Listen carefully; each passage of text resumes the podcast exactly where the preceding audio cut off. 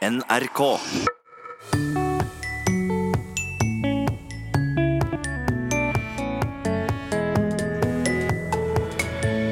De mener brukere av radikalt bokmål undertrykkes. Det skjer jo stadig at folk blir retta på, og det er en form for undertrykking. Foreninga for radikalt bokmål ble stifta like etter påske. De vil kjempe for a-endinger og diftonger. Kasta og grein og sein, og, og så er det ord som sjøl og trur og sånne ting. Og med det har en liten nasjon fått sin fjerde språkorganisasjon. Det er litt darwinisme inni det der. Darwinisme. Survival of the fittest. Og får du jernteppe? Eller plages du mest av hjerneteppet? Det er jo i hjernen du, du husker ting, så at teppet har gått ned inni der et eller annet sted, eh, det er nok, gir nok vel så mye mening som, som det gode gamle jernteppet. Vel møtt til Språkteigen.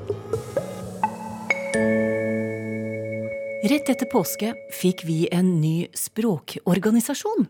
Fra før har vi Riksmorsforbundet, Norges Mållag og Landslaget for språklig samling. Nå har vi òg fått ei forening som skal kjempe for det radikale bokmålet. Det er eh, en variant av bokmål. Det er ganske stor eh, variasjonsfrihet eh, i bokmål. Det er mange former en kan velge mellom.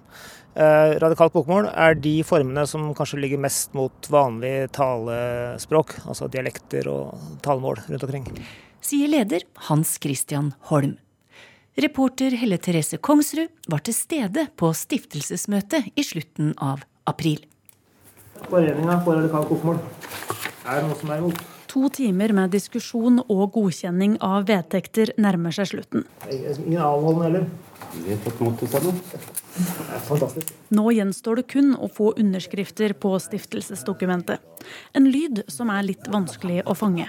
Ja, Da må du stå veldig nærme, tror jeg. Hvis ikke vi skal bruke skrivemaskin, da. Det ble faktisk litt lyd.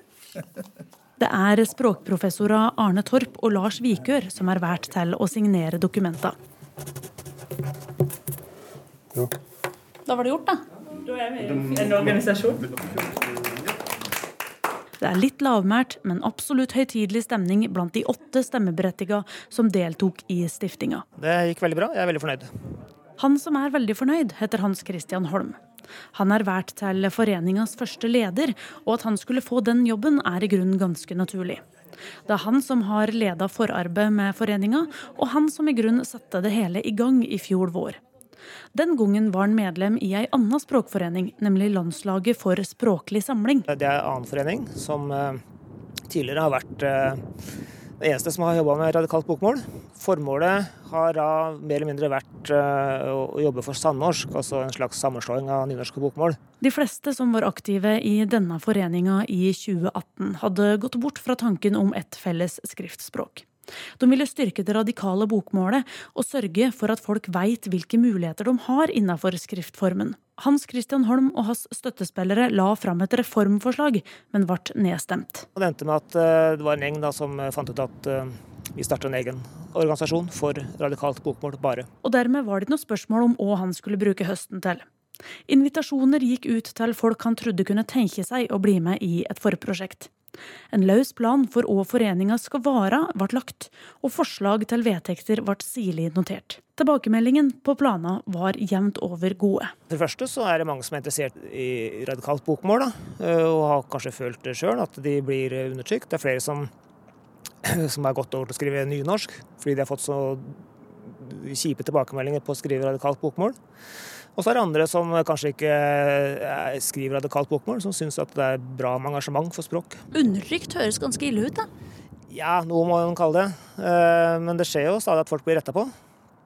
Og det er en form for undertrykking. Det, det er jo. Om du vil bruke begrepet undertrykking eller ei, så skal foreninga altså konsentrere seg om former av bokmålsord som er fullt tillatt, men som av forskjellige grunner ikke er like mye brukt som de mer konservative formen. Ja, det typiske er jo diftonger og a-endinger. Kasta og grein og sein. Og, og så er det ord som sjøl og trur og sånne ting. Og nå tar altså Hans Christian Holm og resten av Foreninga for radikalt bokmål kampen for disse orda. Men med det så blir de òg den fjerde landsdekkende språkforeninga her i landet.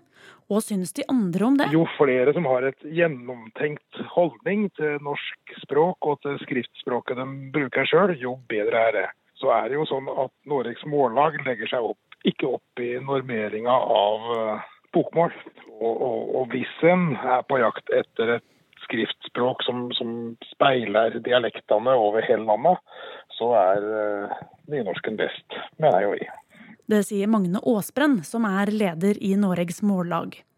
I Riksmålsforbundet er de òg glade for engasjementet, men mener ikke overraskende at det er deres bokmålsnormering som er den beste. Mens Landslaget for språklig samling fortsetter å jobbe for et felles skriftsmål, men ønsker den nye foreninga lykke til. Da kan vi hoppe på vedtektene. Tilbake på stiftelsesmøtet er det nyvalgte styret i ferd med å forevige hendelsen i fotografisk form. Natur i bakgrunnen, det er. Det jo veldig delt meninger da, om hvordan det er en norsk skal se ut. Og Det er derfor det finnes eh, forholdsvis mange eh, organisasjoner som jobber med språkpolitikk. Eh, vi føler at vi har vår plass, og vi er ikke så veldig enig i alt de andre sier. Og Så å bli enige der, det tror jeg kanskje ikke kommer til å skje med det første. Hva er det dere håper å oppnå? Vi må jo først komme i gang med å sette opp informasjonsstoff på nettsider osv. Og, så og nå ut til flere folk, få, flere medlemmer. Jeg er veldig, jeg er veldig optimist. Jeg syns det har vært eh, veldig, veldig Jeg føler at det er veldig riktig. Eh, særlig pga. alle de positive tilbakemeldingene. Jeg føler at det er veldig riktig, og det timinga tror jeg er veldig god. Det sa leder i Foreninga for radikalt bokmål, Hans Christian Holm.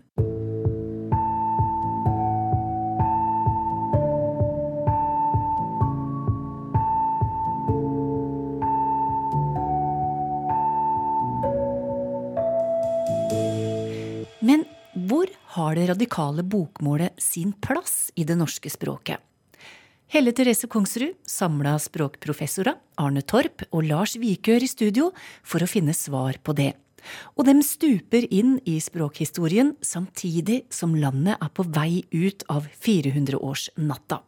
Hvordan hadde vi det språklig sett i Norge på den tida? Ja, hva skal vi si, Lars? Ja. Vi var jo i union med Danmark fram til 1814, selvfølgelig. Skriftspråket var dansk, og folk snakka dialektene sine.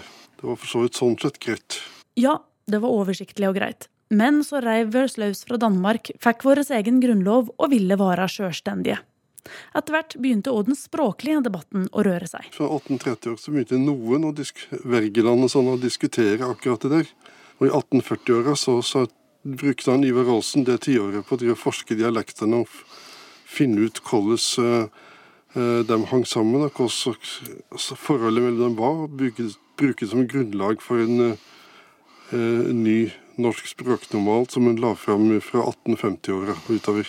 Ivar Aasen er ikke en av hovedpersonene i denne historien, men han har allikevel en viktig rolle å spille. For mens han reiste rundt i Norge og forska på de norske dialekten, var det en lærer ved navn Knut Knutsen som satt i Oslo og hadde en annen tilnærming til de språklige bølgen som begynte å skvulpe inn over det norske landet. Han øh, gikk inn for at en fortsatt skulle bruke dansk, men det skulle fornorskes med norske skrivemåter, norske ord spesielt. Det ville han ha inn. Så han ville på sikt ha et selvstendig norsk, men utvikla av dansk. Og dette her var egentlig to ganske forskjellige syn. Ja, Det ene var revolusjon, revolusjonært, Aasens, starte på nytt. Og det andre var revisjonistisk. Det var å forandre dansken gradvis, så den skulle bli norskere etter hvert. Det var Knutsens prosjekt. Og det er den linja vi skal følge videre. Embetsfolka som styrte Norge på andre del av 1800-tallet, var glade i det danske skriftspråket og ville gjerne beholde det må huske på at den norske overklassa snakka jo dansk med en eller annen slags eh, mer eller mindre norsk uttale, da. Så det skriftspråket som overklassa hadde, og det var jo stort sett bare de som skrev, det samsvarte godt med det talemålet de òg brukte, da. Knutsen fikk allikevel noen med seg på fornorskningstanken. Men som så mange andre har opplevd før han, så kom den virkelige anerkjennelsen noen år for seint. Han fikk jo gjennomslag omkring 1905, og da var Knutsen død allerede. Men tankene hans levde, for da ble Norge helt selvstendig. Så fikk en ny sånn stor bølge av nasjonal sjølhevding. Og en rettskriving for det vi kaller bokmål, tok opp i seg sånne ting som harde konsonanter, tak istedenfor taget og alt sånt. Og det eh, var da på et startpunkt for en videre fornorsking som skjedde kraftig utover 1900-tallet. Rundt århundreskiftet var vi altså der at Aasens nye norske språk fikk stadig mer støtte. Knudsens fornorskningstanker fikk òg en større tilhengerskare, men fra dette reiste det seg òg en tredje retning, som Knutsen sjøl faktisk hadde tatt til orde for. Denne tanken har blitt kjent som samnorsk. Eh, folk ble redd for at eh, hvis det var to språksamfunn, så ble det vanskelig å skape nasjonal enhet i nye Norge. Og Da ble det et prosjekt å favorisere fellestrekka og nærme språka til hverandre. Men med Knutsen ute av eventyret ble ideen nå børi videre av Jørgen Moe sin sønn. Folkeminneforfatteren Molkte Moe. Og han eh, var den som formulerte tydelig dette at begge språka skulle forandre seg gradvis og gli sammen. På sikt, da. Men han så jo at det ville ta flere generasjoner. Så rundt 1900 så var tanken hele tida at nå skal vi bevege oss mot hverandre, og vi skal få ett felles skriftspråk i Norge. Tanken hos dem som gikk inn for det. Svært mange var mot det, naturligvis. Ja. og det Problemet da var at um, masse folk som brukte dansk-norsk, ville ha nynorsken helt vekk og ville ikke at den skulle slippe fram. Mens nynorskfolk på sin side hadde visjonen om at nynorsk skulle bli det eneste. Så det var et tredje standpunkt at en skulle prøve å sammenligne begge to. da. Gjennom innføringa av flere nye rettskrivningsregler opp gjennom 1900-tallet prøvde en å tvinge gjennom endringer. Men det viste seg at det var vanskelig å få folket med seg. Så det ble mye motstand. Og den organisasjonen som heter Landslaget for språklig samling, oppsto i 1959 som en måte å, å fremme denne tanken på i en situasjon da det var mye motstand. Så fra 1959 hadde vi altså tre språklige foreninger som jobba for H sine retninger. Noregs Mållag, som førte Ivar Aasen sin linje, Riksmålsforbundet, som ble oppretta av dikterhøvdingen Bjørnstjerne Bjørnson, og Landslaget for språklig samling. Og det var i denne siste at tilhengere av radikalt bokmål, en mer talemålsnær skriftform, fant sin plass. Tradisjonelt, eh, altså i den samnorskpolitikken, så var det bokmål med former som likte nynorsk og nærmet seg nynorsk, men som samtidig var veldig vanlig i talemålet, og da bare ramsa opp sånn som boka og sola og rein og stein, og, og mange av disse her folkelige formene som bokmålet offisielt inneholder, og som er i bruk, men som eh, altså svært mange oppfatter som eh, ikke helt eh, stuereine da, i skriftspråket. Men det er jo pussig at det blir sett på som, som ikke stuereint, som du sier. Ja, det går går nok så langt tilbake. at eh, eh, Det var jo sånn i 20-30-åra at arbeiderbevegelsen da eh, prøvde å, å nærme språket til det som arbeidsfolk snakka, men eh, og overklassa reagerte sterkt imot det. da. Det var vulgært og sånn, men ord som vulgær og slikt, det finner du ikke så mye av i dag, da. eh, Når det gjelder sånne former, for det er på en måte akseptert. Men mange mener at det er kunstig med folkelige former i bokmål, fordi de mener at eh, det ble påført ovenfra, og ikke egentlig utvikla i det vanlige skriftspråket. Og det er annet disse formen Foreninga for radikalt bokmål skal kjempe for. Litt av problemet for dette her er jo, det merker vi jo på Facebook bl.a., folk skriver jo inn og klager over at eh, den og den forma, f.eks. For rein og sein, da, får de ikke lov å bruke når de leverer inn artikler til tidsskrift og avis og sånt. Det blir retta til ren og sen osv.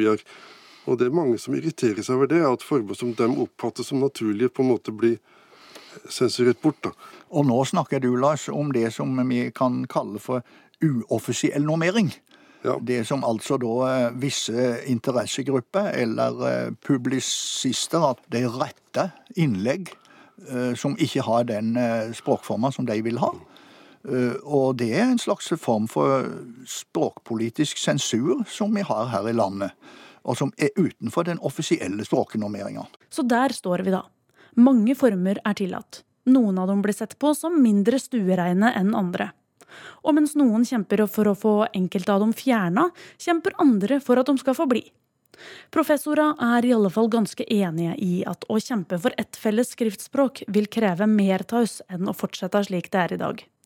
At det kommer endringer over tid, er òg ganske sikkert, men en skal passe seg for å overvurdere hvor lang tid det vil ta. må nok kanskje konstatere at de som eh, så seg føler at, eh, at vi har ett språk innen århundret nedrømme. Hvem var det som sa det på 1800-tallet? Wergeland sa det. Det var Wergeland, visst, ja. Det var altså 1800-tallet han da snakka om da han levde. Han var ikke god i som spåmann. Nei. Nei, definitivt ikke. Da hadde Knut Knutsen mer rett. Han hadde det. Gradvishetens vei, ikke bråhastens. Det var hans slagord. Kanskje det skjer en slags naturlig reduksjon i hva som er lov? Det er litt darwinisme inni det der. Darwinisme, ja. Survival of the fittest. Arne Torp og Lars Vikør ga oss et språkhistorisk tilbakeblikk i samtale med reporter Helle Therese Kongsrud.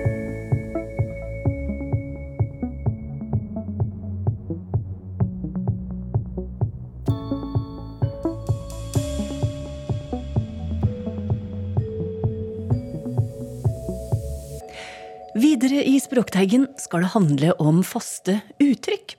Som vi har vært inne på mange ganger, dem er vanskelig å få til. Ofte fordi de inneholder ord vi ikke lenger kjenner opprinnelsen til. Da finner vi på nye og for oss mer logiske ord. Andre ganger ligner uttrykk på hverandre. Da kan det òg bli klabb og babb. Og denne forvirringa fører til at noen uttrykk blir utkonkurrert, mens andre får helt nytt innhold. Vi skal høre noen eksempler på dette i dag, og det første kommer som et spørsmål fra Håkon Lavik. Han spør Det går så det griner. Et uttrykk vi hører både innafor politikk og næringsliv, men hvor kommer det fra? Og det er lingvist Georg Kjøll som svarer på spørsmål om faste uttrykk i Språkteigen. Ja, her kunne man jo tenkt, da, som, som Håkon foreslår, at eh, det er snakk om i grine som i grine på nesen, eller sutring, som man, som man finner igjen i konstruksjonen grinebiter, f.eks. Og de kommer alle fra det norrøne, et norrønt ord som betyr å gjøre grimaser, altså grina. Men her er det noe annet det er snakk om, for her er det ikke grining i det hele tatt. Her er det gvining. Eh, Går så det gviner, er det opprinnelige uttrykket. Hvor gvine er en eh, dialektalversjon av det jeg i hvert fall min dialekt da ville kalt vine, eh, med HV-lyd, ikke GV-lyd, som i lydene tog lager på, på skinnene. Så det at noe går i full fart og dermed lager en vinende, en gvinende lyd, Ja. eh, er antakelig opprinnelsen til, eh, til uttrykket. Og så her har det, har det skjedd noe, altså. Ja, så her har denne GV-lyden falt bort i de aller fleste dialekter i, i Norge. Og da ble jo på en måte gås og det viner den naturlige arvtakeren. Men hvis man bare hører uttrykket sånn isolert sett, så er man kanskje mer tilbøyelig til å tenke at eh, GV-lyden egentlig skulle vært en GR-lyd. De ligger i hvert fall sånn fonologisk nærmere hverandre. Og grine er på en måte et ganske vanlig ord, så, så da hopper man til det heller enn å hoppe til vine. Da. Så dermed har dette blitt feilaktig opprinnelig tolket som uh, går så det griner. Uh, og så har det og så har etablert eh, seg. Den er ikke helt borte, den GV-lyden. Eh, man finner den igjen i, blant annet i Gvarv. Eh, altså, det er sikkert noen som har slektninger i Telemark som snakker om hvite hus og, og den, den type ja, har, denne konstruksjonen i den type, den type ord fortsatt. Men det er veldig, det er veldig sjelden. Så hvis vi ser på hvor mye, hvor mye det er brukt, og, og, og hvem som bruker hva nå, så, så, så er det stort sett går så det griner. Selv om noen er veldig bevisste på at det, det egentlig er et, en feil, feil versjon av uttrykket. Eh, Så å gå så det viner er bare brukt noen titalls ganger i norske avisene de de siste ti årene, mens eh, det er mange tusen som sier 'går så det, går så det griner'. Så kan jo trygt si at denne varianten har eh, denne grinevarianten overtatt for de opprinnelige versjonene av uttrykket, selv om, eh, selv om det er feil. Men apropos det her med endring, da. Vi har flere spørsmål om eh, det. Fordi Grete Ladegård skriver til oss om eh, elever som hun har i skolen, og som av og til unnskylder seg med at de fikk helt jerneteppe. Altså, de forveksler da med å få jerneteppe. jernteppe. Ja, Og hvor kommer dette jernteppet fra igjen, da? Ja jern, Jernteppet var et fysisk teppe av jern som ble senket mellom publikum og skuespiller på, på teater. Og etter hvert så ble det en metafor for å ikke huske replikkene sine. Altså jernteppet gikk ned. Og så har dette blitt overført videre til andre domener. da. Så man snakker om ikke bare teaterreplikker, men f.eks. fakta på en skoleprøve, eller vare på en handleliste, eller øh, hva man skulle si når man hadde, hadde presentasjonen oppe på, på et jobbseminar. Ja. Da får man, øh, får man jernteppe. Men uh, som Grete sier, det er uh, ikke helt uvanlig å høre jernteppe-varianten. og, og det skjer fordi nettopp dette jernteppet det er ikke en veldig øh, tilstedeværende del av norske språk eller norske moderne teatre lenger. Det er vel på teatermuseum og sånn man kan se det, men de færreste har et forhold til det. Så da ender man opp med en variant som, som er jerneteppe, og det, Det kan man jo godt forstå at man gjør, fordi det, det speiler en del andre typer sånne substantivsammensetninger hvor du har en sånn fuge-e inni der. Mm. Snakker om julegave, f.eks. Hvor du forbinder jul og gave med denne fuge-en, eller barneskole eller saueskinn så, så, er det noe som på en måte får det til å flyte litt bedre da, når man, når man lager sånne sammensetninger. Um, det har vært mye diskusjon de siste, siste årene om felleski eller fellski. Ja. Uh, skulle det være fuge-e eller ikke? Uh, og der virker det i hvert fall som de store sportskjedene har landet på en sånn versjon med fuge-e. Mm. Um, kanskje en, en, uh, en, forklaring på det kan være at at ja, det er lettere å uttale, men også vanskeligere å misforstå. Jeg hørte en snakke om at han skulle ut og kjøpe seg felski, altså som i det russiske. Jeg trodde det var en russisk oppfinnelse. Eh, så, så rent lydlig så, så, så, kan det være det er en del av forklaringen. Men eh, du har jo så mange andre sånne konstruksjoner med hjerne på norsk også, hvor man bruker, eh, man bruker de som, som bilder da, på, å ikke huske noe eller gjøre noe feil, f.eks. Så vi snakker om at man kunne få hel hjerneblødning, eller hjernefrys, eller bli hjerneblåst, eller ha en hjerneglipp. Om nettopp det å ikke, ikke huske noe. Og i, i, hvis man går til, til Norsk Akademis ordbok, så har de flere sånne konstruksjoner da, som, som, er etablerte. Som hjerneløs, du kan ha hjernebløt, hjernetom, du kan ha hjernetåke, eller bli utsatt for hjernevask. Uh, og mer positivt så kan du drive hjernegymnastikk eller hjernetrim. Da. Så, så det, at hjerneteppet er blitt en vanlig misforståelse, det har nok mye med det, det å gjøre. Det er jo i hjernen du, du husker ting. Så at teppet har gått ned inni der et eller annet sted, det nok, gir nok vel så mye mening som som det gode gamle jernteppet. Eh, vi kan ta et tellet i samme gate, nemlig Hånd i hanke. Det er Ingrid Johanne Laurak som undrer seg over at faste uttrykk endrer seg. For hun sier at før så sa vi hånd i hanke, men nå sier nesten alle hånd i hanske. Ja, eh, de gjør det. De fleste sier hånd i hanske. Det er ikke så mange som sier hånd i hanke lenger. Men eh, som vi også påpekt i denne Facebook-gruppen eh, til Språkteigen som eh, dette spørsmålet ble sendt inn på, mm. Eh, så er dette faktisk to helt separate uttrykk. Så dette er annerledes enn enn går så det griner og griner og jernteppe og jerneteppe. Mm. For dette er to uttrykk, men med ulike historier, faktisk, og ulik betydning. Så dette med hånd i hanke, å ta hånd i hanke med noe eller noen, det handler om å ha kontroll på dem, eller å være med å bestemme noe i en prosess. Og ordet hank her er det vi kjenner igjen fra hanken på en kopp. Så det vi kan kalle håndtak i en annen sammenheng, en, eh, eller mer moderne sammenheng, det er at du på en måte har, du legger hånda på noe og har kontroll på det. Du tar styringa. Ja. Eh, du finner også uttrykket brukt uten den preposisjonen på slutten, så du kan si eh, det var et, et, eksempel jeg fant hvor man sier at de som eier barnehagene, må ta hånd i hanke og ikke basere driften på dispensasjoner. Som, som handler om å ta kontroll over noe liksom helt overordnet. Mm. Eh, og dette uttrykket det finner vi på svensk og dansk også, og det er, det er ganske, ganske gammelt uttrykk. Med Svensk Akademis ordbok, som eh, attesterer det tilbake til 1500-tallet. Eh, og på, i norsk-dansk norsk litteratur har jeg i hvert fall funnet det på, på 1600-tallet, da i en salmebok. Så, så, dette er ganske gammelt og mye brukt da, en, en lang periode. Mens hånd i hanske eh, har ikke den samme opprinnelsen. Det har oppstått parallelt. Og tidligst i bruk på 1800-tallet, som jeg har funnet det. På slutten av 1800-tallet er det første skriftlige belegget jeg finner for det. Eh, og det handler jo da om at noe passer perfekt, så det handler ikke om kontroll på samme måten. Eller at to ting går godt sammen, da.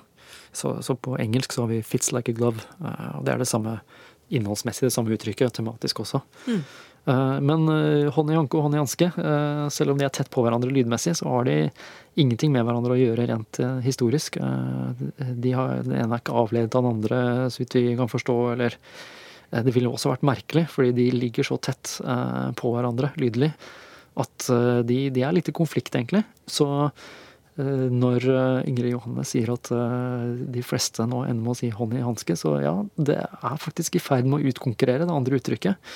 Fordi de, eh, det er så lett å blande de sammen at, eh, at det fører til misforståelser eh, ofte når man bruker, bruker hånd i hanke.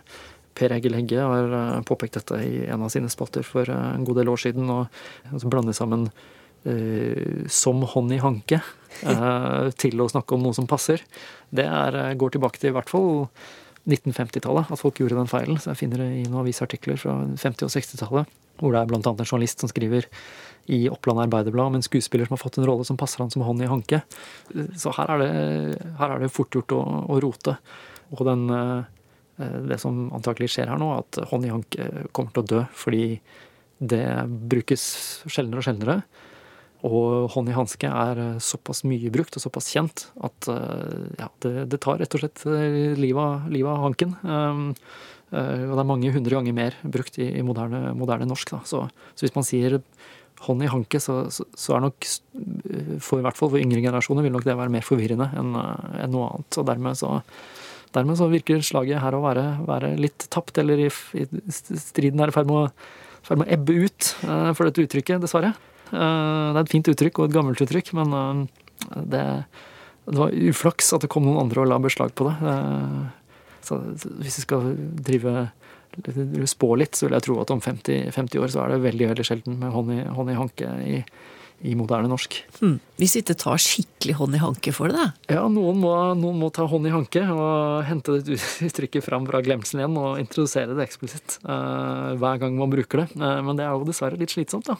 Og der, der skiller disse uttrykkene litt fra hverandre. Da, selv, om, selv om vi ser det samme med alle disse spørsmålene med jernteppe og går så det griner osv. At det ene uttrykket utkonkurrerer det andre. Så så er det litt spesielt med dette med, med hånd i hanke. At, uh, det er en helt, ny, en helt, egen mening som bare forsvinner. Mens uh, meningen i går så det griner', den er jo der. I går så det griner. Og det samme med ha, ha hjerneteppe, hvis man, uh, hvis man, tenker at det er noe som er i ferd med å etablere seg. og det, det vil jeg nok tro at det kommer til å overta for ha jernteppe litt på sikt. Så er jo meningen der fortsatt. Men selve formen på uttrykket har, har forandret seg. Mm. Og så på et eller annet tidspunkt så kommer folk til å si at eh, ja, men det er riktig. Eh, at det heter ha jerneteppe. Eh, litt som mange i dag sier går så det griner. Ja, det er jo det riktige, fordi det er jo så mange som, så mange som bruker det. Så kan man stille seg spørsmål når, når skjer det, og hvor er på en måte grensen for når noe er riktig og feil. og, og sånn, Fortsatt går det an å skrive leserinnlegg og si at går så det gviner er det riktige, og går så det griner er feil, men, men det er nok ikke lenge før det, det, den kampen der også, også er tapt, altså faste uttrykk i endring. Takk til deg, Georg Kjøll. Det lakker og lir mot uh, sommer. Ja, det har kanskje ikke følt sånn ut den siste uka, men vi i Språkteigen har begynt å fundere på om det finnes noe særegent språklig sommerstoff. Har du gode ideer om temaer vi kunne ta for oss i sommer, så tips oss gjerne på e-post teigen krøllalfa nrk.no. Og på samme adresse kan du òg sende spørsmål du måtte ha om ord og språk. Neste uke skal vi inn i retorikkens verden, og vi skal prate om grisetaklinger og personangrep. Generelt så kan vi jo si det at personangrep er en dårlig strategi for å overbevise noen som, som er ubestemt, eller som i utgangspunktet er uenig i standpunktet ditt. Men det kan være en god strategi hvis du skal forsterke den negative holdningen til motparten som publikum allerede deler med deg. Ja, og et personangrep, det kan være så mangt. Det er jo forskjell på en grisetakling og på en elegant fornærmelse. Så et personangrep kan jo òg være en oppvisning i veltalenhet. Nemlig. For det er forskjell på William Shakespeare og Donald Trump, for å si det på den måten. Mer om det i Språkteigen neste uke, altså. Da takker jeg for følget i dag. Ha det bra.